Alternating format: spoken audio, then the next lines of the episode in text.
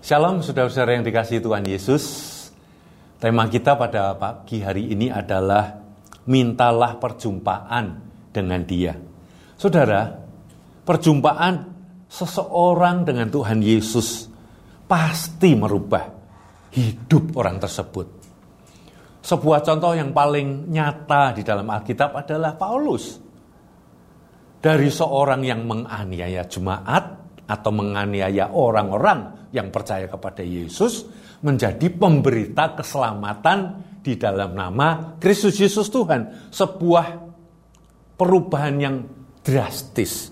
Dari orang yang membenci Yesus kepada orang yang sangat mencintai Tuhan Yesus sehingga rela mengorbankan dirinya bagi nama tersebut. Saudara, saat Yesus berkata kepada Paulus, "Akulah Yesus yang engkau aniaya tersebut, maka Paulus berubah.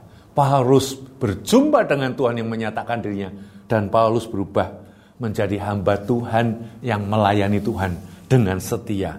Saudara, kalau saudara bergumul sama seperti saya untuk sebuah perubahan hidup, perubahan karakter dan merubah atau merubah, merindukan perubahan hidup teman-teman kita, seseorang yang kita kasihi, keluarga kita, kita saudara, berdoalah, minta Tuhan Yesus menjumpai mereka, menjumpai kita. Saya tahu bahwa perubahan tidak bisa diusahakan dengan kekuatan sendiri. Kita butuh kuasa Tuhan, kita butuh kuasa firman Tuhan. Sebab itu kita harus berpaling kepada Tuhan, memohon kuasa dan firman-Nya dinyatakan kepada kita. Seperti yang tertulis di dalam Yeskiel pasal yang ke-36 ayat ke-25, 26 dan 27. Firman ini adalah firman janji Tuhan mengenai pembaharuan umat Israel saya percaya kita semua adalah umat Israel secara rohani dan janji ini juga untuk kita. Perhatikan Yehezkiel 36 ayat 25, 26 dan 27 begini firman Tuhan. Aku akan mencurahkan kepadamu air jernih. Perhatikan kata aku akan. Ini dari pihak Tuhan yang akan mentahirkan kamu dari segala kenajisanmu dan dari semua berhala-berhalamu. Aku akan mentahirkan kamu. Ayat ke-26, kamu akan kuberikan hati yang baru dan roh yang baru di dalam batinmu.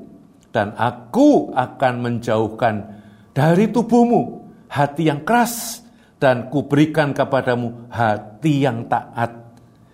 Ayat 27. Rohku akan kuberikan diam di dalam batinmu dan aku akan membuat kamu hidup menurut segala ketetapanku dan tetap berpegang pada peraturan-peraturanku dan melakukannya. Saudara, Tuhan mau, Tuhan rindu memberikan air yang jernih yang mentahirkan kita. Tuhan rindu dan mau memberikan hati yang baru. Tuhan mau memberikan roh yang roh Allah diam di dalam hidup kita yang membuat hidup kita berubah dan menurut taat kepada ketetapan-ketetapan Tuhan. Saudara sekalian, itulah kerinduan hati Tuhan. Suatu hari Tuhan Yesus berjumpa dengan seorang perempuan di pinggir perigi, perempuan Samaria. Tuhan bercakap-cakap dengan dia, Tuhan meminta air dari dia untuk memulai percakapan tersebut. Dia, perempuan Samaria ini tidak kenal Yesus. Perempuan Samaria ini memiliki latar belakang hidup yang kacau. Hidup di dalam dosa. Dia mencari sesuatu bagi kekosongan hidupnya yang dia pikir dia bisa dapatkan melalui cinta seorang pria. Tidak hanya satu, dua, tiga, bahkan beberapa orang pria. Saudara, dia mencari kepuasan melalui jalan yang yang tidak benar. Karena pikirnya itulah jawabannya. Saudara, suatu gambaran mengenai hidup orang yang terikat dengan perkara-perkara duniawi. Yang merasa dia membutuhkan sesuatu, mencari sesuatu, tapi tidak mendapatkan dan terus terjerumus kepada sumur yang semakin dalam di dalam hidupnya. Tuhan Yesus tahu pergumulan perempuan Samaria itu. Tuhan Yesus juga tahu pergumulan kita semua, saudara-saudara sekalian, yang terjerumus semakin dalam, semakin dalam dan tidak bisa keluar. Setelah Yesus bercakap-cakap dengan perempuan Samaria tersebut, Tuhan menyatakan dirinya. Oh, betapa indahnya pada saat Tuhan Yesus menyatakan dirinya. Inilah yang harus kita doakan bagi kita atau bagi teman-teman kita atau bagi keluarga kita. Yesus menyatakan dirinya.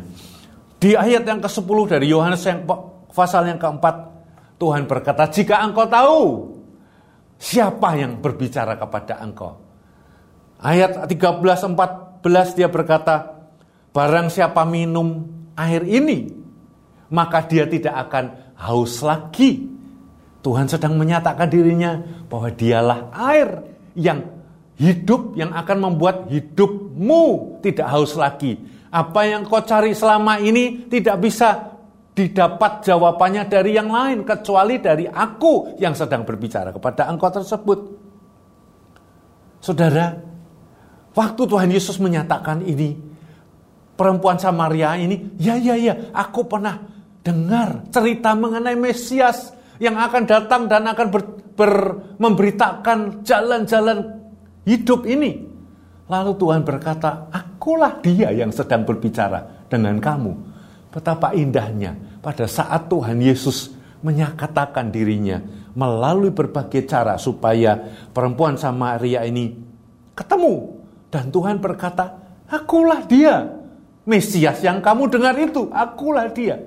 Saudara, perjumpaan itu merubah perempuan Samaria tersebut dia pergi kepada banyak orang, orang-orang temannya, bercerita bahwa aku berjumpa dengan seseorang yang membuk, menyatakan dirinya kepadaku yang mengerti siapa saya sebenarnya. Perempuan Samaria itu berubah 180 derajat. Dia tidak lagi malu tentang masa lalunya, dia tidak lagi malu tentang hidupnya lamanya, dia bercerita kepada banyak orang. Dan banyak orang dicatat di dalam firman Tuhan menjadi percaya. Sungguh-sungguh sebuah perubahan yang drastis. Bukankah itu yang kita rindukan saudara? Terjadi dalam hidup saya, hidup keluarga kita, anak-anak kita, orang-orang yang kita doakan, anggota M3 kita.